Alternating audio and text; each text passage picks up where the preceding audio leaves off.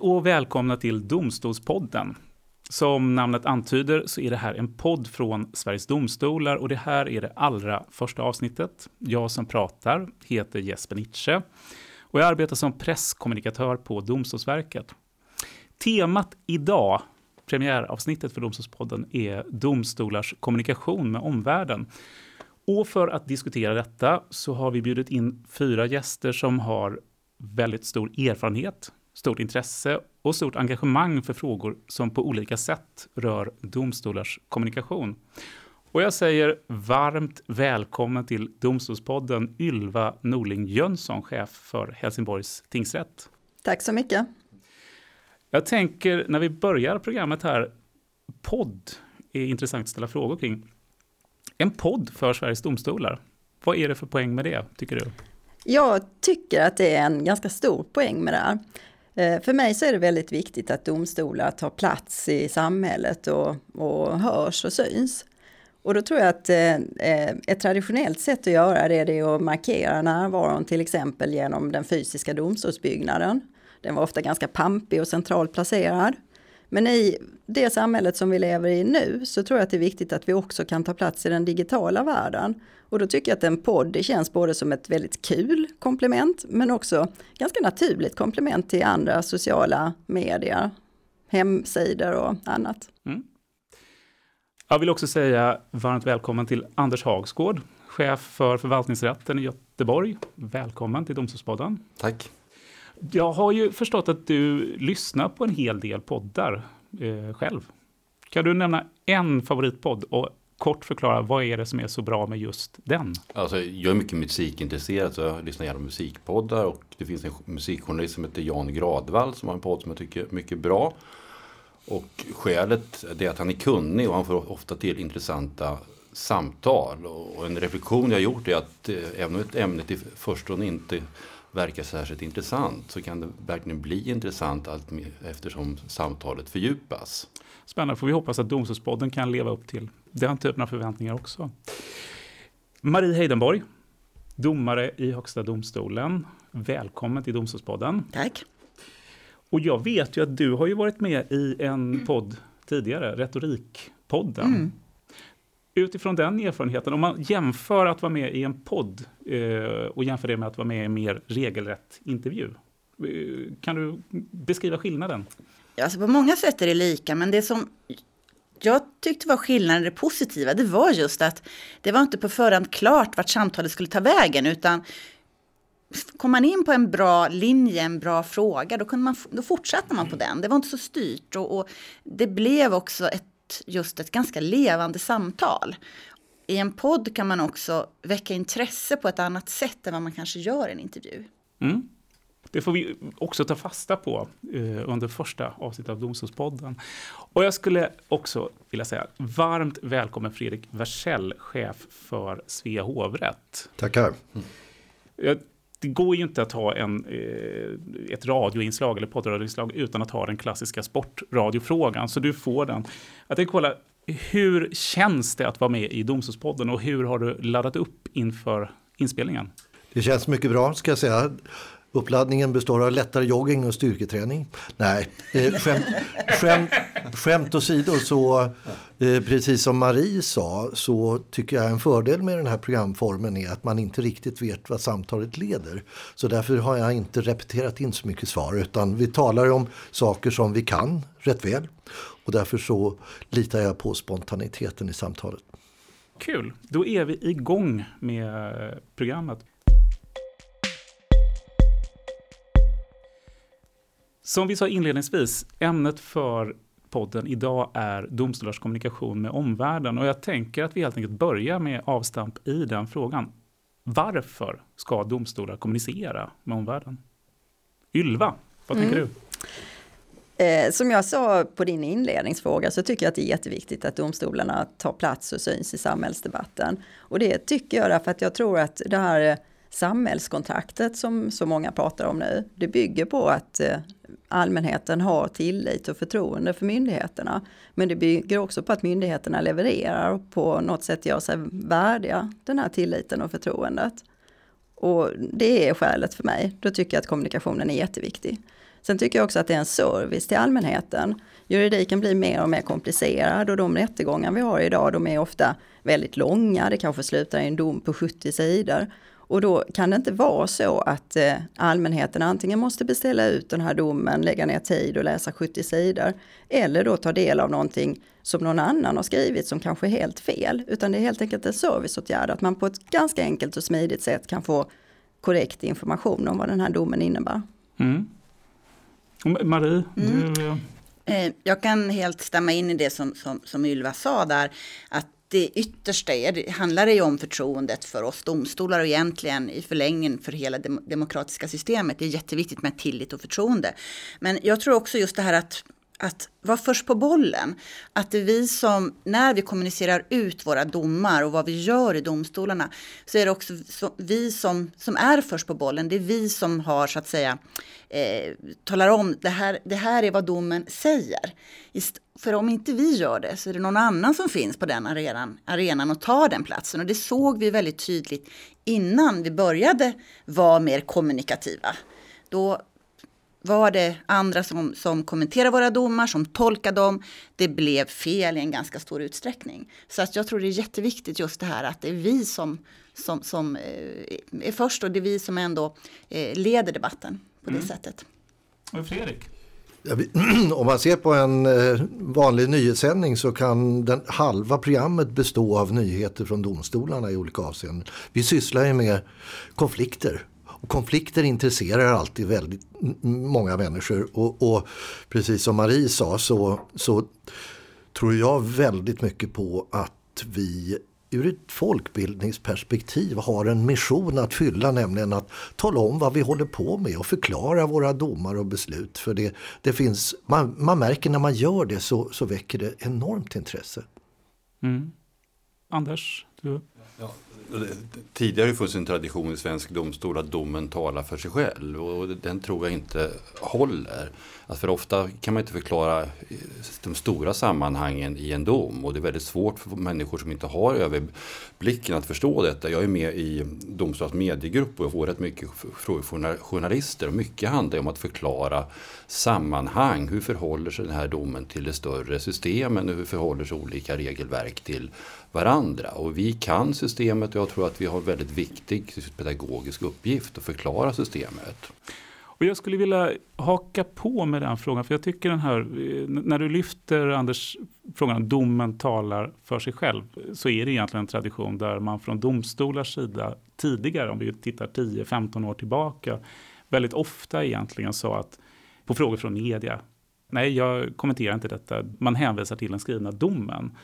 Eh, men varför, varför var hållningen, inställningen bland många domare just den, att säga att domen talar för sig själv? Ylva? Jag tror att eh, det självklara svaret är nog att eh, domaren var väldigt rädd för att inte uppfattas som objektiv. Och att domaren också var rädd för att eh, kanske då yppa någonting som hade sagts under en, en hemlig överläggning. Och genom att hänvisa till domen så, så är man alldeles säker på att det enda jag uttrycker det är som jag har skrivit ner i domskälen. Men det här håller inte längre och anledningen till det är just för att om inte vi berättar om domen på ett enkelt och begripligt sätt så berättar någon annan om domen. Eh, och de uppgifterna är ofta inte korrekta. Eh, vi kan inte längre kräva av medborgaren att den ska ha tid och tillfälle att sätta sig in i våra domar som blir mer och mer komplexa, längre och längre och utförligare och utförligare. Och dessutom så är det så att någon annan kommer att skriva om domen på ett osakligt sätt. Mm, Fredrik? Alldeles särskilt svårt eh, tror jag man tyckte att det var i eh, domstolar som dömer kollegialt, alltså flera domare där, där det var väldigt känsligt att någon domare skulle gå ut och förklara hur de andra hade resonerat. Och, och det, det innebar att till exempel Högsta domstolen och hovrätterna var väldigt försiktiga. Men, men eh, det där är en alldeles onödig ängslan därför att eh, man kan känna sig väldigt trygg med att, att i alla fall modernt skrivna domar innehåller så mycket information så att håller man sig till den så är man på den säkra sidan. Och det innebär att erfarenheten visar att det är inte svårt att, för en ensam domare som har varit med i sitsen att förklara en, en domstolsdom, ens i en kollegial sammansättning. Mm.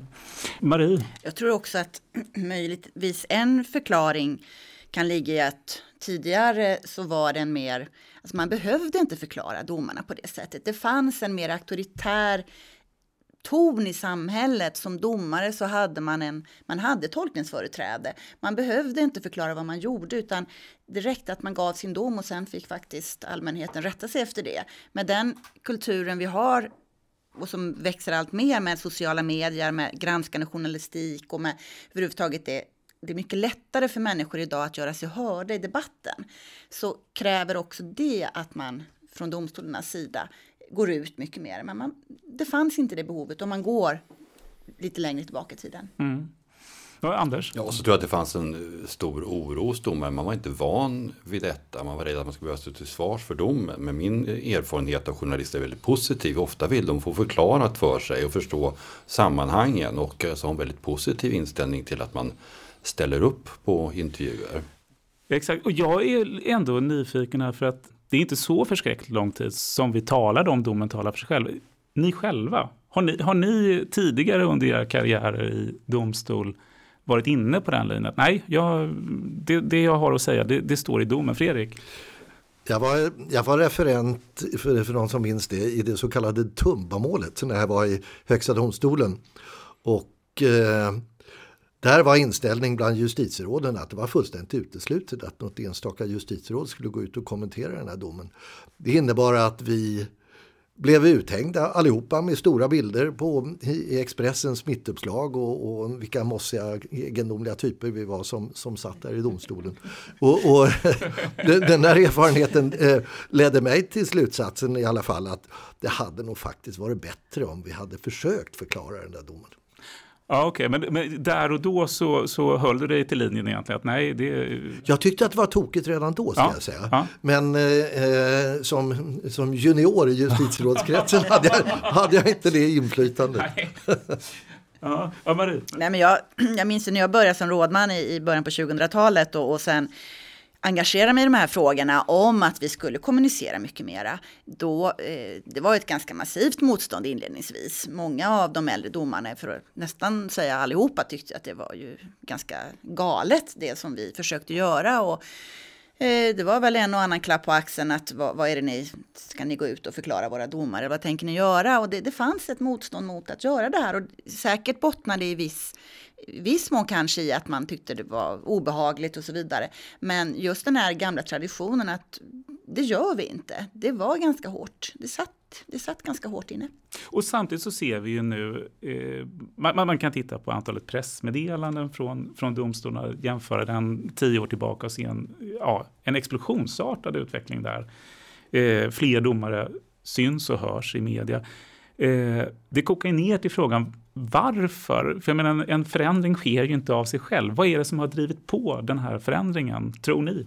Om jag får fortsätta ja, Marie, tror jag bara att när vi börjar jobba med de här frågorna så handlar det både om att jobba utåt mot journalister och bli mer tillgängliga. Men ett uttalat syfte då med, med eh, mediegruppen och, och, så vidare, det var också att, att försöka påverka våra kollegor och, och, och lobba för, för, för just det här att det var någonting bra med att var mer öppen mot media. Och efter ett tag så kunde vi också se att rapporteringen faktiskt blev lite bättre. Vi fick ju hjälp med att göra olika undersökningar. Och, och sen är det väl så att ju längre tiden går och ju längre man håller på desto fler eh, ser det positiva i det. Mm.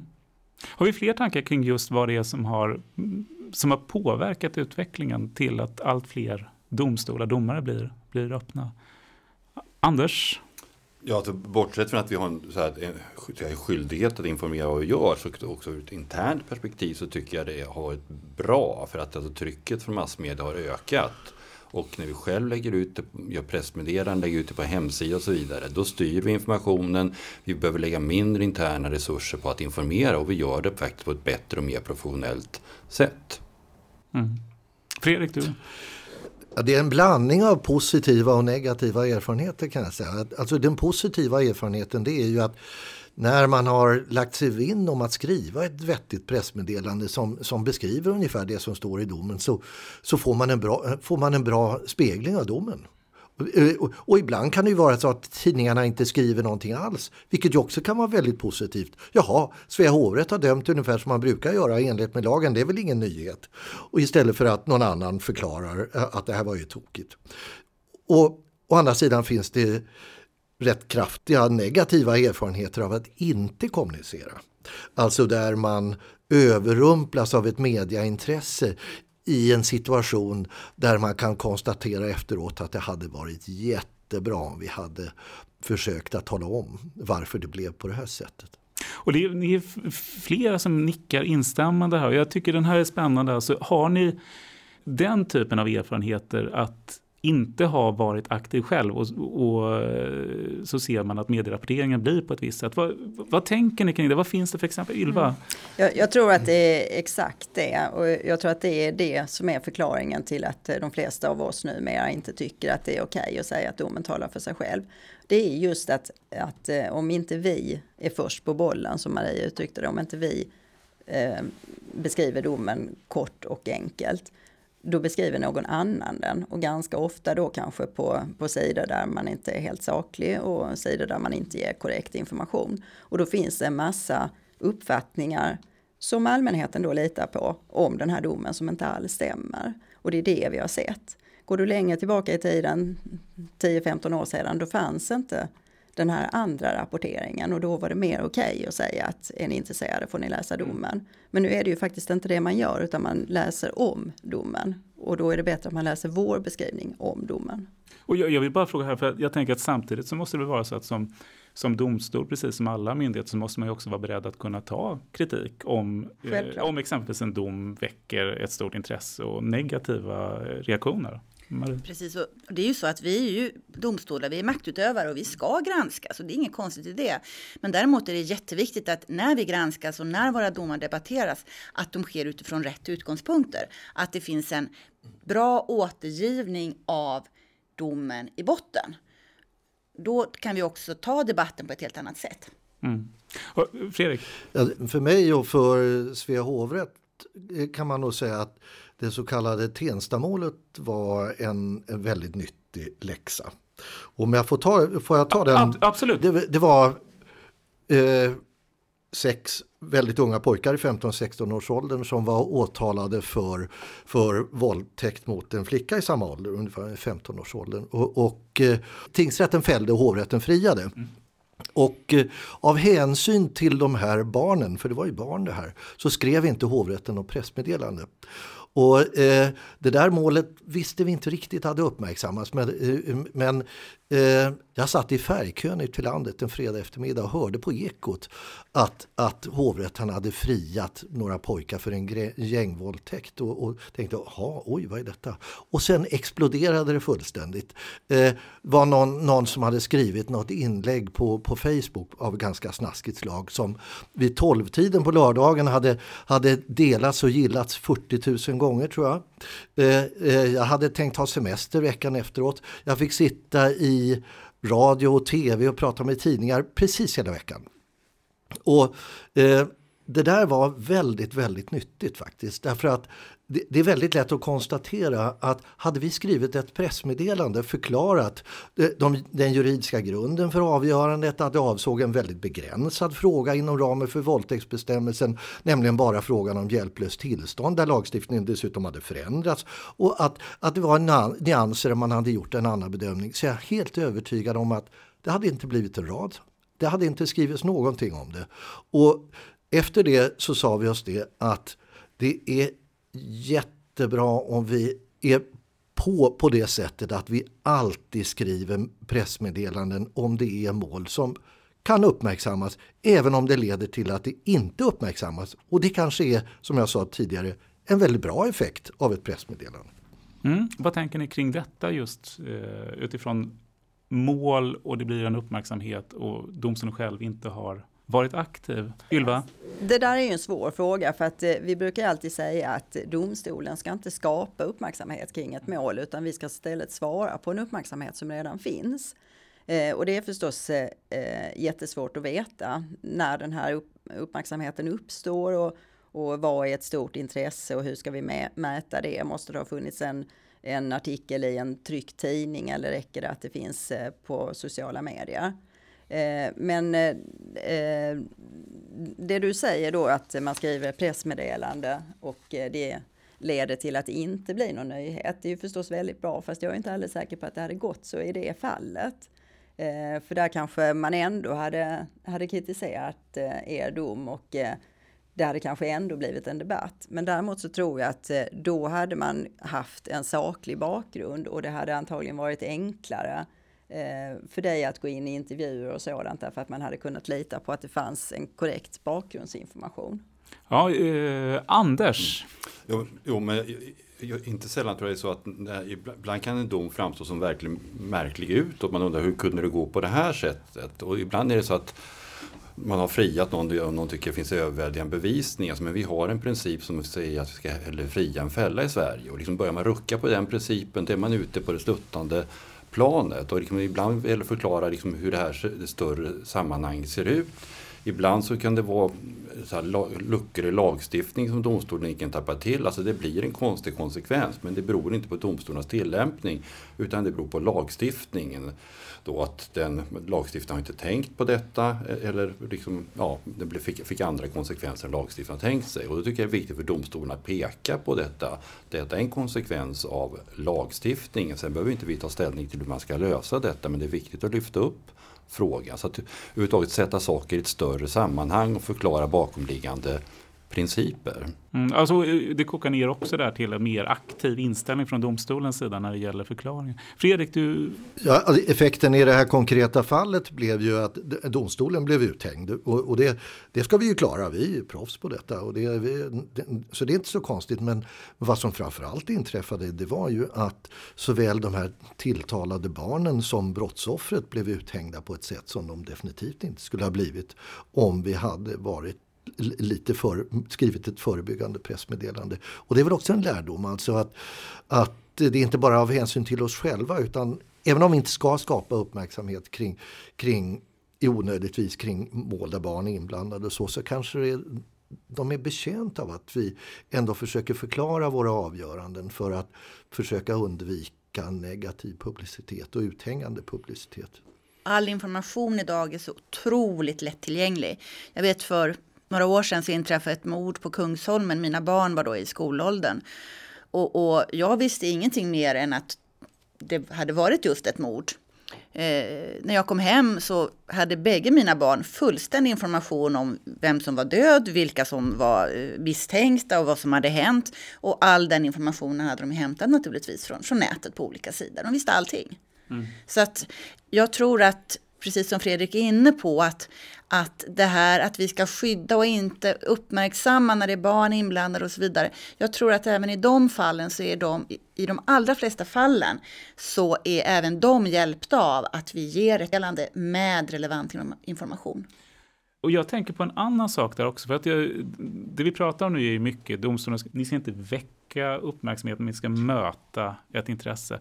Men jag undrar, är det, är det alltid eh, är det liksom en lagbundenhet i det? För kan det finnas mål där ni från domstolarnas sida faktiskt kan se att ni borde skapa ett intresse? Nu tänker jag, kanske, nu tänker jag förstås inte på, eh, på brottmål, men jag tänker, finns det mål där man ser att här, här finns ett allmänintresse men, men eh, massmedia har inte hittat det ännu. Vad, vad säger Anders? Alltså, jag arbetar i förvaltningsdomstolar prövar man alla eh, mål där en person klagar på ett myndighetsbeslut. Mm. Det kan vara Skatteverket, Migrationsverket och så vidare. Och jag kan ta ett exempel. Det för några år sedan var ett mål om någon som hade fått betala licensavgift för att man tittar på tv på sin dator. Och det kom ju Högsta förvaltningsdomstolen fram till att när man tittade på tv på sin dator via internetuppkoppling då behövde man inte betala tv-licens. Och det, det, var, det här målet rörde en enda person. Men det, var ju, det rörde ju större delen av svenska befolkning. Och så är det med många förvaltningsmål. Alltså det kan handla om hur man, hur man räknar ut eh, eltaxan eller när man kan ha, om man kan ha eh, det, övervakningskameror på drönare och så vidare. Så där finns ett helt annat allmänt intresse att ett enskilt mål kan ha betydelse för en mycket stor grupp och det är inte på samma sätt i ett brottmål. Alltså där är det andra drivkraft, det finns en helt annan dramaturgi i de målen. Ja, det, det här var ju spännande. Vad, vad, säger ni från allmänna domstolar, alltså hovrätt och tingsrätt och högsta domstolen? Borde ni kanske egentligen säga så att nej, ni, ni ska inte prata med oss, ring till förvaltningsrätten istället så får ni reda på, på mål som verkligen betyder... Nej, men förlåt, Fredrik, vad tänker du? Eh, engagerad i pressetiska frågor och, och, där skiljer man ju på ett nyfikenhetsintresse och ett allmänintresse. Och eh, kanske väldigt mycket av brottmålen är mer av ett nyfikenhetsintresse men men men domstolarna har mycket makt idag. Och domstolarna med den vida lagstiftning vi har agerar ju lagstiftare i väldigt stor utsträckning. Inte minst på förvaltningsrättssidan. Och det är alldeles uppenbart att det finns ett mycket stort allmänintresse för, för våra avgöranden. I, inte minst från de högsta instanserna. Det, och det är oberoende om det gäller vargjakt eller miljörätt eller vad det kan vara för någonting. Och, och där har vi ju ett ett, tycker jag, ett informations, en informationsskyldighet. På samma sätt som lagstiftaren har en, en skyldighet att tala om vad som gäller så, så eh, ska domstolarna tala om, att, när, inte minst när vi bryter ny mark och kommer med nya avgöranden som påverkar människorna. Det är alldeles uppenbart. När det gäller effekterna för, för domstolen ett mer aktivt arbete gentemot massmedia. Vad, vad, vad har ni sett i era domstolar? Vad, vad ger det för effekter, för nyttor eh, och liknande? Ylva, vad, Helsingborgs tingsrätt, har du, kan du se att men det här, genom att vara mer aktiva så har vi, har vi fått ett antal nyttor. Vi har fått effekter. Alltså en uppenbar nytta är ju att eh, genom att vara mer aktiva med, med pressmeddelande till exempel, att informera inför stora rättegångar att det kommer hända det här och det här de dagarna och någonting annat några andra dagar, så underlättar det för domstolen. Vi får ut korrekt information. Men sen tycker jag också att en effekt som vi inte riktigt hade räknat med när vi började använda oss av sociala medier, det är också att det har betytt väldigt mycket för den interna kommunikationen. Och det var inte någonting som vi hade tänkt på i förväg. Det har helt enkelt ökat arbetsglädjen, det har ökat samhörigheten. Mm. Är det bara domstolarna som tjänar på att ni är mer aktiva? Nej, alla tjänar på det. Vilka är alla här? Ja, men jag tror ju alla ur allmänheten, eh, ja, men det handlar ju om hela, hela samhällskontraktet som Ylva var inne på. Det här att man måste känna förtroende för det som domstolarna och myndigheterna gör. Och kan vi då få ut information som på ett bra sätt återger vad vi gör så ökar vi förtroendet medborgarna, allmänheten kan känna sig mer trygga i att om jag blir utsatt för brott, då kommer det hanteras på det här sättet. Mm. Jag tänker att vi har eh, rört oss ganska mycket kring frågor just kring mål, kring enskilda mål, eh, när de skapar uppmärksamhet. Men ni såväl som många av era kollegor vid andra domstolar förekommer ju i media även i andra frågor. Eh, och jag tänker Fredrik, du har eh, ganska nyligen varit med i eh, dels Ekots lördagsintervju, pratat om bland annat eh, Kevinfallet och terrorlagstiftningsfrågor. Du var också med i Domstolen, SVTs tv-serie under våren eh, och pratade bland annat om långa häktningstider och frågor kring uppsåt. Eh, den typen av intervjuer som handlar om frågor utöver enskilda mål. Vad är det som, som du tycker är eh, som gör att du ställer upp, tackar ja och vill vara med i de sammanhangen? Därför att, det, eh, därför att det finns ett stort intresse för den här typen av frågor. Det är alldeles uppenbart. Och, och ehm, eh, Det kanske låter pre, pretentiöst men, men alltså jag ser ju en folkbildningseffekt av, av, den här typen av program. Där man i lugn och ro och i sansade former får beskriva systemen och hur det hänger ihop och hur, hur rollfördelningen ser ut i rättsväsendet och så. För eh, det, det, är självklart för oss som jobbar i, i rättsväsendet men det är inte alldeles självklart för en, för, för en, inte ens för en bildad allmänhet. Kan man bidra till att, att förklara detta så tror jag att man ökar förtroendet för eh, rättsstaten och, och, och dessutom eh, eh stillar en, en kunskapshunger som jag tror finns. Mm. Ni nickar instämmande runt bordet här också. Jag tänkte den här frågan handlar ju också om, eh, man, man, kan få frågor om enskilda mål, man kan också få frågor som rör annat än målen. Ser ni att det finns sammanhang som är självklara att ställa upp i? Finns det frågor där ni känner att nej, men det här är faktiskt inte en fråga som jag som, som domare eller domstolschef vill eller kan ta? Jag tror att det är viktigt att man också väljer vilka sammanhang man är med i. Eh, att man väljer sådana sammanhang där man får så att säga, där man får komma till tals på ett vettigt och bra sätt. Eh, jag tror inte man ska ge sig in i, i vilket debattprogram som helst. Som, det är viktigt, man ska välja sammanhangen. Mm, men Domstolspodden var okej att vara med? Absolut. Ja, det var, det var ju för väl. Ylva, vad, vad, tänker du kring? Eh, det finns ju två självklara gränsdragningar tycker jag.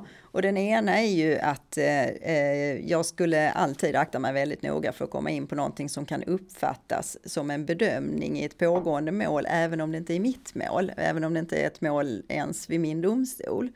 Eh, det skulle jag inte göra.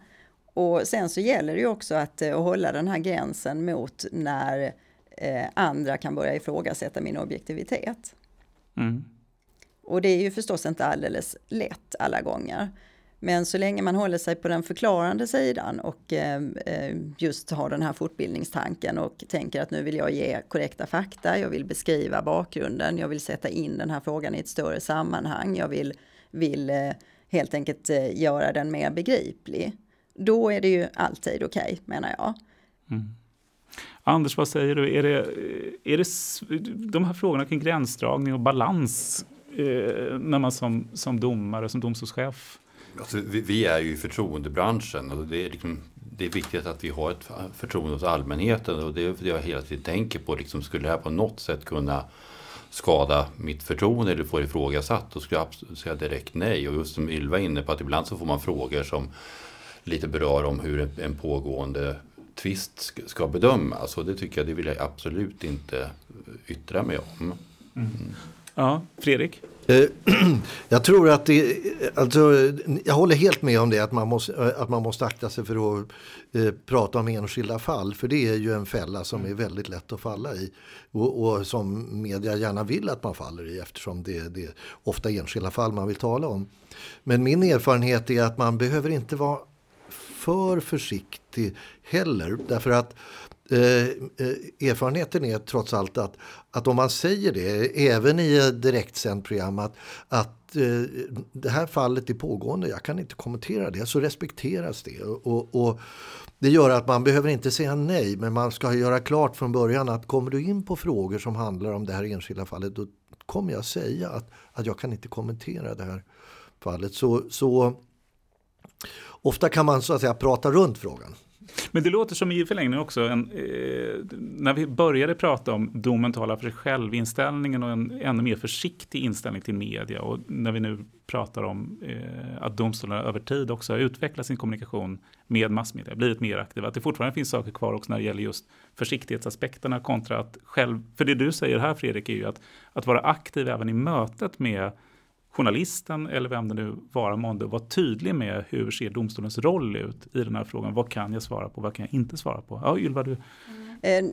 För mig så går ju den, den viktigaste gränsdragningen kanske just kring att det är ett pågående mål. Mm. Eh, det här med domen talar för sig själv, då har vi ju redan avkunnat domen. Och där är jag idag betydligt mycket mer benägen att gå in och förklara eh, oavsett om det är mitt eget mål eller någon annans mål än vad jag var tidigare. Men däremot så är jag precis lika försiktig när det gäller bedömning, att närma mig någonting som kan uppfattas som en bedömning i ett pågående mål, oavsett om det är hos oss eller hos någon annan. Mm. Jag tänker också att vi, eh, vi har pratat väldigt mycket nu om massmedia, om domstolen, domares möte med journalister. Där är det en utveckling som det har hänt väldigt, väldigt mycket på, eh, inte minst de senaste tio åren. Eh, men vi är ju just nu inne i en tid där det händer väldigt mycket på väldigt kort tid. Eh, sociala medier, Sveriges domstolar och sociala medier. För att lite snyggt sladda över till det området så tänker jag att vi börjar med en jättekort och snabb gallup. Era domstolar i sociala medier som myndigheter. Finns ni där? Vilka sociala medier finns ni? Eh, Anders Hagsgård, förvaltningsrätten i Göteborg. Finns förvaltningsrätten i Göteborg i sociala medier? Ja, vi har en eh, egen Facebook-sida. Mm. Ja, den är inte särskilt utvecklad, men vi har en egen sida. Mm. En Facebook-sida. Mm. Marie Heidenborg, Högsta domstolen. Kommer inom inte allt för lång, inom kort hoppas jag, finnas på Twitter. På Twitter, Så, som Högsta domstolen på Twitter? Ja. Ja, Fredrik Wersäll, Svea hovrätt. Vi har i rätt många år varit med i Twitter, på Twitter men, men, men vi har använt eh, som ett sätt att förmedla nyheter i, i första hand. I övrigt så, så har, har, vi inte någon, någon offentlig Facebook-sida eller så. Nej, så Twitter för Svea hovrätt. Ja. Ylva Norling Jönsson, Helsingborg, Mm. tingsrätt. Vi har en aktiv närvaro på Facebook, Twitter och LinkedIn. Och jobbar ganska mycket med, med de eh, medieformerna. Mm. Det är spännande här också att, eh, att resonera kring varför ni är där och vad ni har sett för effekter av att som domstol finnas med myndighetskonton i olika sociala kanaler. Kan du säga, säga någonting kring vad, vad det har gett? Mm. Vi tycker att det har gett mycket.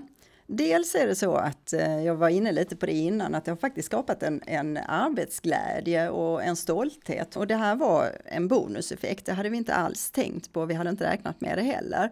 Eh, men det är faktiskt riktigt kul. Vi gör ganska mycket inlägg, vi har gjort lite småfilmer och vi gör informationsinlägg. Och det här har engagerat väldigt många medarbetare, så det är inte så att det är några utvalda domare som sitter och pular med det där. Utan alla är faktiskt med. Vi har notarier, vi har handläggare, vi har ordningsvakter som är väldigt engagerade i det här. Och de flesta tycker att det är hemskt kul. Nu har det kommit ett nytt inlägg och så tittar vi på det och så blir vi lite stolta allihopa och sträcker på oss. Det är roligt. Eh, vi tycker också att vi ser att eh, det har blivit ett eh, större intresse. När vi rekryterar nya medarbetare så har vi fler sökanden och fler sökanden med en annan bakgrund än vad vi haft tidigare. Inte de givna nyutexaminerade personerna utan även personer som har lite längre yrkeserfarenhet och kanske kommer från något annat håll. Och det tycker vi är jätteroligt. Sen tror och hoppas vi att vi har gett en bättre service. Vi lämnar ju alltså ren information om att eh, telefonväxeln inte fungerar, att vi har en byggarbetsplats som gör att eh, det kan vara svårt att hitta parkering, att eh, det här målet, eh, det stora uppmärksammade målet kommer att sättas ut om 14 dagar och planeringen ser ut så här. Ren information. Och där hoppas vi att det har, har gett eh, allmänheten en, en bättre kanal helt enkelt. Mm. Och när det gäller målgrupper, man pratar ju ofta om målgrupper, men alltså vilka är det ni vänder er till? När vi, vi pratar Facebook för sig, vi pratar Twitter för sig, LinkedIn för sig. Har ni sett så att de- här vill Helsingborgs tingsrätt nå med olika kanaler? Ja, där har vi faktiskt en tanke. Så att vi tycker att Facebook, eh, vi brukar kalla det för vår digitala reception. Så att där är det tänkt att eh, vi tror att när man ska till tingsrätten för första gången, man ska vittna och man vet inte mycket om det här, Eh, då tror vi att man googlar, det är det man gör. Och då vill vi att vi ska komma upp först. Det ska vara vår hemsida och inte någon annans. Och då tror vi att man oftare tänker sig att man går in på Facebook än på den hemsidan som vi har. Eh, den är tyvärr inte alldeles modern. Det pågår ett arbete just nu där vi ska försöka få till en lite modernare hemsida. Men eh, vi tror att eh, Facebook-sidan toppar och då är det där man går in och då finns det inlägg. Det finns inlägg om varför man måste vittna. Det finns inlägg om vad som händer när man kommer fram. Vi har en liten film som beskriver säkerhetskontrollen. Och sen finns det också den här praktiska informationen om att det kan vara svårt att parkera just nu därför att det är byggarbeten runt omkring. Mm, så högt och lågt. Ja, men och sen LinkedIn, det är mer en rekryteringssida. Och Twitter, där tänker vi oss att eh, de som följer oss där, det är nog andra domstolspersoner eh, som man jobbar på domstolar runt om i landet. Och kanske också, hoppas vi, en hel del eh, allmänt samhällsintresserade och journalister. Så det är lite olika målgrupper för olika kanaler. Och jag tänker när vi pratar om Twitter, eh, Svea, hovrätt, Svea hovrätts Twitterkonto, Fredrik, eh, hur har det funkat och vilka är det ni tänker att ni kommunicerar med via Twitter? Ja, ja det, är, det är en väldigt enkel eh, princip, nämligen att vi lägger, ut, vi lägger ut alla våra nyheter på- Twitter. Och, och, och, och då förstår man att nu har det kommit ett pressmeddelande, nu har det kommit en annan typ av nyheter och så kan man gå in på hemsidan och, och, och kika på detta. Vi, vi har pratat rätt mycket om, om eh, sociala medier i övrigt och känner oss ju rätt inspirerade av Helsingborg. Men det är också en resursfråga det här. Eh, jag tror mycket på e-, en särskild dimension som, som Ylva var inne på som jag tror jättemycket på, nämligen det här som man brukar kalla employer branding. Alltså att man, man, vi beskriver våra arbetsplatser, stillar en nyfikenhet vad, vad, kring vad en domstol gör och att vi lockar in, lock, lockar eh, sådana som skulle kunna söka till oss. Särskilt sådana som, som inte går den traditionella domarbanan och så utan andra personalkategorier. Där, där ser jag ett jättestor potential att vi skulle kunna bli duktigare att presentera oss själva. Och då är vi inne på de här frågorna kring varför överhuvudtaget vara där. Och det är ju en, det är ju en fråga i sig. Är det, är det viktigt för domstolar att vara i sociala medier? Och vad, vad skulle det i så fall vara bra för? Marie, vad tänker du? Alltså, jag, jag, tänker för HDs del så handlar det ju väldigt mycket om att det är väldigt många som är intresserade av våra avgöranden. Och våra avgöranden de finns väl redan idag i väldigt stor utsträckning på Twitter, inte minst. Men det är inte vi som är avsändare på dem, utan det är andra som har lagt ut dem, ibland med någon kommentar och så vidare. Och, och det är lite grann samma sak där, att varför ska inte vi vara först på bollen att det är vi som lägger ut det? Det är ett sätt att sprida eh, information om det vi gör. Så liksom att äga frågan är någon typ, något som liknar tolkningsföreträde där också. Mm. Det, där har vi en, en byggsten. Vad finns det mer? Och då skulle just Twitter kunna vara en lämplig kanal som HD nu är på gång med. Ja, för, alltså jag ser precis som Ylva redovisade att de här olika medierna har olika, mm. det är olika målgrupper. Mm. Och för HDs del så tror jag att det är Twitter som är det som ligger närmast till hands och som vi väl kommer börja med och eh, vi ser i nuläget inte något behov av att gå vidare med andra sociala medier utan, utan vi vill sprida våra avgöranden. Mm. Fredrik? Vi, vi, har ju huvudsakligen jobbat med hemsidan. Vi har ju flera olika hemsidor eftersom vi har olika grenar av verksamheten. Och, och skälet till att vi har valt den vägen tills vidare i varje fall, det är att vi är otroligt angelägna om att kvalitetssäkra all information som kommer ut från domstolen. Eh, jag är väldigt imponerad av det som Helsingborg gör, men man ska ju också vara medveten om att det finns en fara i detta. Om man har för mycket bloggar och för många som skriver och så, så finns det en risk att det, det som sägs där inte är kvalitetssäkrat och att domstolen talar med en röst som kanske inte alla känner sig helt bekväma med. Så att det har gjort att vi, tills dess att vi hittat former för det har vi varit lite avvaktande och följer med stort intresse det som sker i andra domstolar.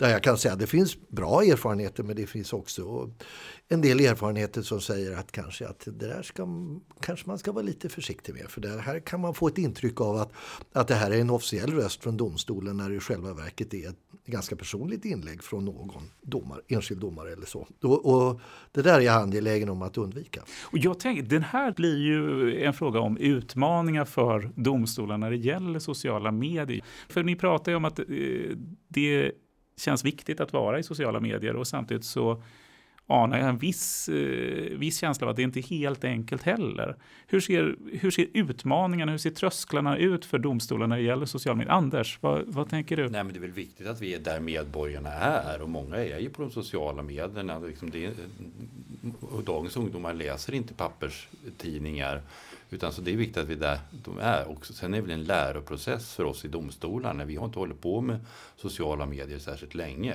Så att det är ju väldigt bra att domstol som Helsingborgs tingsrätt går i, i bräschen här som vi kan lära oss av. Mm. Jag skulle vilja kolla en sak också. Vi, vi har pratat framförallt om myndighetskonton, alltså detta är Svea hovrätts Twitterkanal, detta kommer bli Högsta domstolens Twitterkanal och så vidare. Eh, det är ju en del av sociala medier så som vi ser det, men det andra är ju personliga konton. Och nu vänder jag mig med nyfikenhet till Ylva, Ylva Norling Jönsson, chef för Helsingborgs tingsrätt. Du har ett personligt Twitterkonto eh, där det står så här.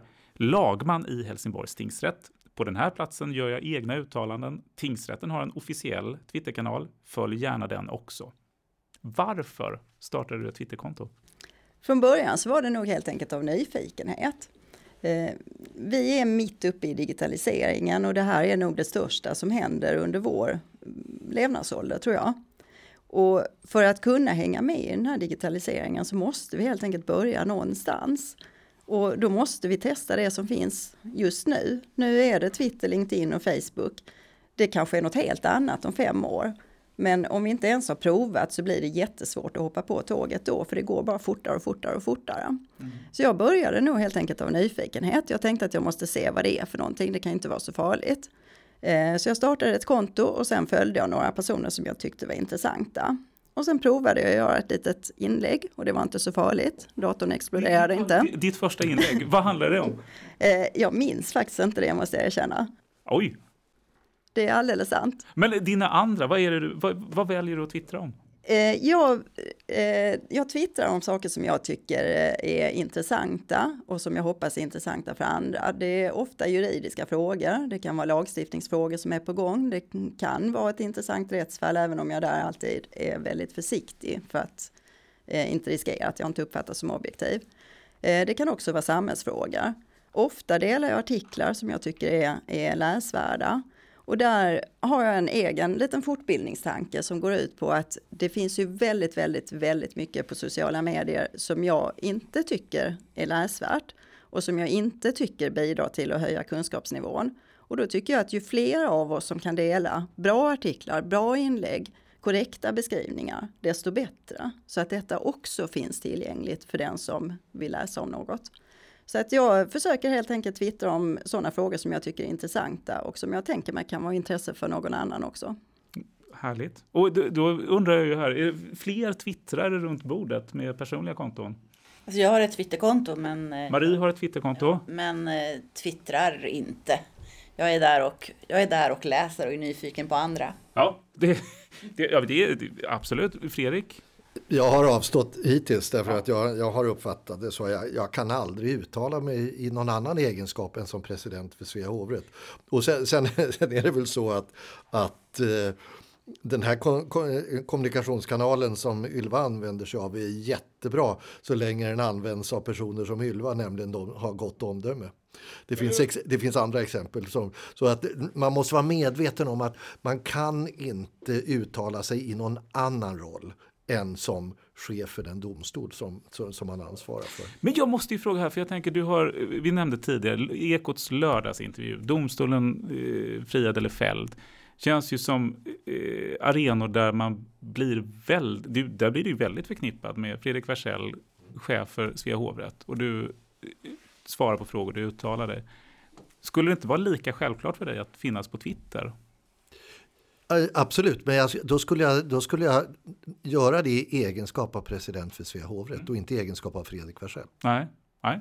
Marie? Så jag, jag ser mig, nu, nu twittrar jag ju inte, men om jag skulle twittra så skulle jag ju twittra i egenskap av justitierådet Marie Heidenborg, mm. inte som privatperson, för att den linjen finns i min värld inte. Nej. Är jag där så är jag, så det jag, de uttalanden jag gör där, mm. de kommer tillskrivas mig i min yrkesroll och jag gör dem i min yrkesroll. Mm. Men är det något problem? Alltså, menar, skulle du, du, du sa själv, du följer mycket på Twitter men du är inte särskilt aktiv själv. Men skulle du se något problem att bli mer aktiv? Jag menar, du blir identifierad som Marie Heidenborg, domare vid Högsta domstolen. Men fin, finns det något hinder för att bli inget, mer? Inget hinder, men jag ser inte något kanske direkt behov för mig att gå ut och vara mer aktiv på Twitter. Nej. Anders? Jag har ett Twitterkonto men jag är inte heller aktiv utan är väl där och läser och lär mig. Mm. Mm. Ja, tänker du att ja, men jag, jag vill bli mer aktiv? Och varför i så fall? Eller varför inte? Jag har inte känt något behov egentligen. Och, och så att, jag ser också så att har jag någonting att säga så säger jag det i egenskap av domstolschef och då lägger jag ut det på vår hemsida eller i något annat forum. Mm. Och i så fall skulle domstolen skaffa ett officiellt Twitterkonto. Mm. Samtidigt har ni flera gånger under, den här, under samtalet varit inne på att det är viktigt att domare och domstolen finns där allmänheten finns. Det är viktigt att finnas där människor finns. Vi ser ett förändrat medielandskap. Sociala medier blir allt viktigare. Är det inte viktigt att domare eh, rent allmänt också finns närvarande som sig själva i de sammanhangen. Men då har, då har ju naturligt att skriva en debattartikel och där tycker jag domstolarna, domarna kunde vara lite mer aktiva. Alltså vi har ju stor kunskap om lagstiftning och samhället och den tycker jag vi kanske borde använda oss mer av. Men då skulle det vara mer naturligt att skriva en, i någon av dagstidningarna. Ylva? Fast jag menar att det ena utesluter inte det andra och att skriva en debattartikel det är ju ändå ett rätt så stort jobb. Det tar lite tid och man får lägga ner möda på det. Eh, Twitter är ju betydligt enklare och kortare. Eh, och jag eh, menar precis som ni att det går absolut inte att göra en skillnad på privatpersonen Ylva och lagmannen Ylva. Och det är också därför som, som jag anger det tydligt på mitt Twitterkonto. Men däremot så delar jag olika inlägg om samhällsfrågor och annat. Medan tingsrättens officiella konto, där skulle det kännas mer främmande att dela en artikel om en intressant samhällsfråga till exempel. Det tycker jag är enklare att göra i egenskap av lagman än i egenskap av domstol. Men sen vill jag också säga att en annan stor fördel med Twitter och det behöver man förstås inte göra egna inlägg för. Det är för att det är ett väldigt bra sätt att få olika juridiska nyheter. Juridiska nyheter får inte riktigt lika stor plats i de traditionella medierna, men just på Twitter så finns det väldigt mycket att hämta. Så jag tycker också att det är en enormt bra kunskapskanal. Mm. Jag, jag, tänkte eh, avrunda den här delen kring just sociala medier med ännu en gallupfråga. För vi har varit inne på det här med, med just domare på Twitter, personliga konton på Twitter. Borde det finnas fler domare på Twitter? Mitt enkla svar är absolut ja. Från Ylva? Ja, och det är av det skälet som jag sa tidigare att eh, i de flesta sociala medier så finns det ganska mycket som jag menar inte är värt att läsa och ganska mycket som jag menar är direkt felaktigt. Och då tänker jag mig att eh, många domare antagligen skulle göra alldeles utmärkta inlägg och vi behöver mer av de bra inläggen på sociala medier. Okej, okay, bra. Eh, Fredrik? Jag tror att det är, det är bra ju mer aktiva våra domare är. Men eh, jag tycker också att vi, vi i domstolarna bör ge alla ett stöd kanske lite råd och tips om hur man agerar i olika sammanhang. Och där kan vi säkert bli, bli ännu bättre. Det där vill jag att du preciserar lite också när, när det gäller råd och stöd. Eh, vad, vad är det du tänker? Att... Ja, vi, vi, har, vi har i, i Svea hovrätt avdelat en, en domare som har varit pressekreteraren tidigare med mycket stor mediavana. Avdelat 20, 20 av hans arbetstid för att vara ett stöd åt våra domare i kommunikation överhuvudtaget och det där har slagit otroligt väl ut. Och, och därför att jag tror att ju mer professionella vi kan vara desto bättre är det. Det är jättebra om vi är aktiva på alla möjliga sammanhang men vi måste också vara medvetna om att vi kommer att värderas utifrån den professionalitet som vi agerar. Egentligen det du, eh, det du efterfrågar är just att också som domstolschef och inom domstolen kunna ge stöd för de som faktiskt vill vara aktiva på Twitter med personliga konton. Och ge, trygg, ge trygghet. Ja. Trygghet i rollen, mm. för det är viktigt. Mm. Anders, fler domare på Twitter, bra eller dåligt? Eh, ja, vi behöver nog stöd här. Sociala medier är relativt nytt för oss i domstolen. Det här är en läroprocess. Så jag vet inte själv riktigt vad jag tycker i olika frågor ännu. Jag har inte hunnit bilda mig en uppfattning ännu. Så att det, ja, och min åsikt kommer att förändras under tiden också tror jag. Mm. Diplomatiskt svar, tycker jag. Det var, Marie? Nej, men det är klart att jag är positiv till att domare hörs i samhällsdebatten i alla olika fora som finns. Debattartikel på Twitter och så vidare. Man måste vara medveten om att är man inne i den debatten så är man det som, som inte som privatperson utan det, det faller tillbaka på hela domstolsvärlden. Mm. Och jag vill bara avslutningsvis, därför det slår mig att när vi pratar om mediefrågor, alltså mötet med traditionella redaktionella medier så har ju Sveriges domstolar också varit i sin mediestrategi varit tydliga med det en domstol gör påverkar bilden av hela Sveriges domstolar. Alltså, det låter inte som att det egentligen är någon större skillnad här när vi pratar om sociala medier. För det, är samma. Det, det är detsamma. Så det är en utvecklingsfråga där också. Ja. Eh, nu har ni varit med i premiäravsnittet av podden. Vi har pratat på temat domstolars kommunikation med omvärlden. Eh, vi hoppas såklart att det blir en fortsättning på Domstolspodden med ännu fler program. Och jag tänker ge er chansen nu att svara på om ni har solklara eh, idéer på ämnen som skulle vara spännande att ta upp i Domstolspodden framöver, där ni känner att det här skulle få mig att sitta som klistrad, det här skulle vara en tvättäkta kioskvältare eh, i hängmattan eller i soffan, vad det nu är. Vad skulle ni vilja höra i Domstolspodden framöver? Marie Heidenborg. Jag har tänkt väldigt mycket på den här frågan och hitta det här kioskvältarämnet och det beror ju lite grann på vad, må, vad, målgruppen är. Men jag har i alla fall fastnat egentligen för två olika ämnen beroende på det. Och den ena ämnet, det, det är någonting som diskuteras ganska mycket i domstolsvärlden nu och det, det handlar om domstolarnas förändrade roll. Eh, domstolarna har domstolarnas makt har ökat. Vi börjar få någonting som kan nästan prata om lite maktdelning i Sverige, det har vi inte haft förut. Eh, det skulle jag tycka vore ett intressant ämne. hur påverkar det? Vad är det som har gjort att domstolarna får, får mera makt och så vidare? Och, och vad ställer det för krav på, på domstolarna att förvalta den här makten, vilket ställer egentligen ännu högre krav på att vi når upp till det här förtroendet. Eh, det är en fråga. Det som jag också tänkte på som jag tycker är, är rätt intressant, det, det, handlar om barnen i rättsprocesser överhuvudtaget. Eh, barn är några som, som eh, väcker mycket känslor. Vi har vårdnadsmålen, vi har en del förvaltningsrättsliga mål som handlar väldigt mycket om barn. Vi har barn i brottmål. Och det som ofta är symptomatiskt för alla de här det är att barnen syns inte. De kommer i bästa fall till tals genom andra, men de är osynliga och så vidare. Eh, det är också någonting som jag skulle tycka vore ett ganska intressant ämne. Två väldigt eh, intressanta ämnen, domstolars makt och barn i domstol. Eh, vitt skilda ämnen. Eh, tack Marie, Anders Hagsgård.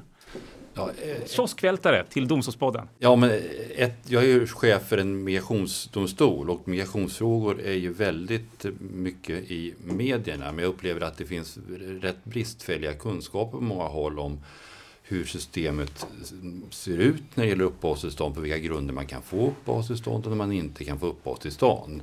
Så där skulle jag nog gärna se en podd där man diskuterade migrationsmål och utlänningslagstiftningen. En annan fråga jag tror jag kan vara intressant att prata om är varför eh, straffar vi människor? Alltså påföljdssystemet. Blir man bättre av att sätta någon i fängelse eller varför sätter vi människor i fängelse? Mm. Mycket spännande. Migrationsmål och påföljdsfrågor. Två, två inspel till Domstolspodden. Fredrik Versell. Jag är ju väldigt förtjust i, i Maries maktdelningsämne eh, och, och, har pratat rätt mycket om det. Men en annan fråga som jag tror skulle väcka eh, mycket intresse från allmänheten det är frågor om bevisvärdering. Hur bevisvärderar man? Hur ser beviskraven ut? Krävs det 100 procent eller räcker det med 97 procent? ser det olika ut i olika typer av mål? Hur ser vi på vittnespsykologer och sådant? Det, det, det, skrivs mycket om det och det teoretiseras mycket om det och spekuleras mycket om det. tror jag skulle kunna vara intressant. Tack för det. Ylva Norling Jönsson. Mm. Nu är jag sist ut och först vill jag säga att jag är jättesugen på att lyssna på de programmen som ni precis har initierat. Eh, men någonting som jag själv tycker skulle vara intressant är att ha en domstolspodd som handlar om vad ny teknik och digitalisering gör för själva processen i domstol. Eh, DNA-bevisning till exempel har ju påverkat eh, jättemycket.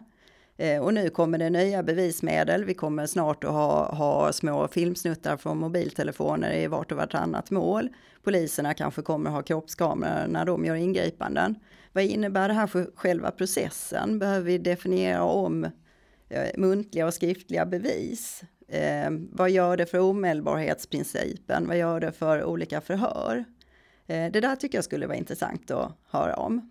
Mycket bra. Tack för, tack för väldigt, väldigt bra idéer till Domstolspodden framöver. Och vi får se var det landar någonstans när det gäller Domstolspodden. Jag vill nu passa på att säga stort tack för att du var med i Domstolspodden, Ylva Norling Jönsson, chef för Helsingborgs tingsrätt. Tack så mycket för att jag fick vara med. Fredrik Versell, chef för Svea hovrätt. Nöjet är på min sida. Anders Hagsgård, chef för förvaltningsrätten i Göteborg. Mm, det var roligt att få vara med. Och Marie Heidenborg, domare i Högsta domstolen. Tusen tack. Tack, det var jättespännande. Och vi vill gärna höra vad du som lyssnare tyckte om Domstolspodden. Det kan du berätta för oss genom att använda hashtaggen Domstolspodden på Twitter eller genom att mejla till domstolspodden dom.se.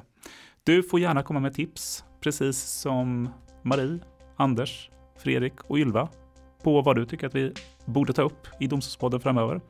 Jag heter Jesper Nitsche och från Domstolspodden säger vi på återhörande.